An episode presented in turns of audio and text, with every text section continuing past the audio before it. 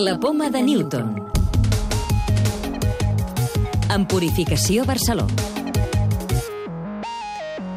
La missió Gaia de l'Agència Espacial Europea, l'ESA, ha fet públic ja el segon catàleg d'estrelles que multiplica per molt les conegudes fins ara.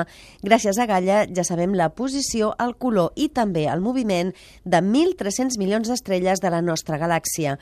Aquest serà el tema central del nostre programa d'aquesta setmana, en el qual també parlarem de la relació entre contaminació i atacs de cor i descobrirem què aporta la bioenginyeria a la lluita contra el càncer. El nou catàleg d'estrelles de Gaia obre un coneixement inèdit fins ara sobre la Via Làctia. De fet, els responsables de la missió parlen d'una autèntica revolució per a l'astrofísica i la cosmologia. Francesca Figueres, investigadora de l'Institut de Ciències del Cosmos de la Universitat de Barcelona. Per primera vegada el que estem fent és copsar no només la posició, sinó el moviment de més de 1.300 milions d'estrelles unes dades que ens permeten veure l'1% de la nostra galàxia, de les galàxies properes, dels asteroides que tenim prop del sistema solar, és a dir, un univers en 3D, que estem mesurant el moviment d'aquestes estrelles en el cel amb una precisió equivalent a que veiéssiu d'alguna manera com la ungla d'un astronauta es veu des de la Terra al ritme al que va creixent.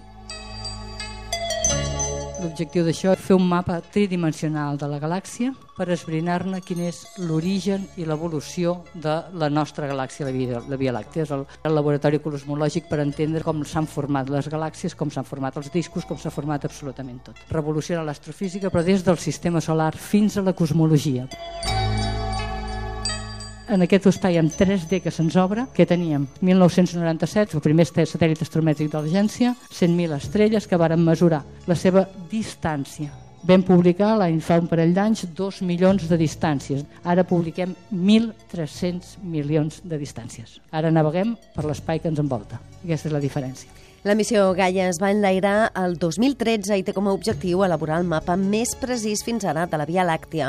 D'aquí dos anys es farà públic un nou catàleg amb noves dades i l'ESA no descarta una nova missió el 2030 que continuï estudiant la Via Làctia i que també visualitzi l'infraroig.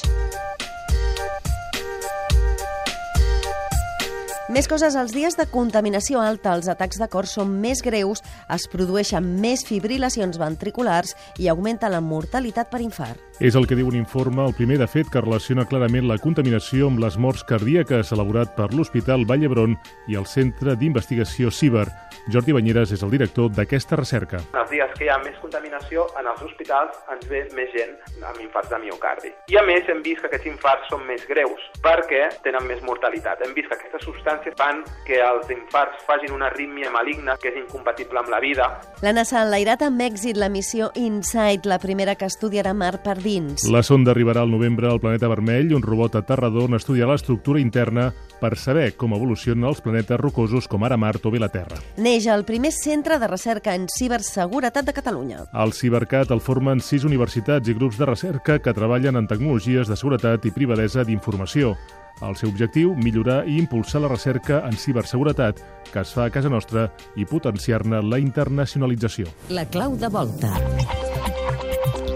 Com es pot lluitar contra el càncer amb bioenginyeria? Josep Samitier, director de l'Institut de Bioenginyeria de Catalunya, IBEC. Las células en nuestro organismo están unas junto a otras y estas interacciones que tienen que ver con interacciones mecánicas, con interacciones de fuerzas, son extremadamente relevantes en procesos como es el caso de la metástasis. Entonces, conocer cómo son esas interacciones, cuáles son los receptores que están involucrados, poder medir este tipo de interacciones era algo que hasta ahora uh, era muy difícil de hacer.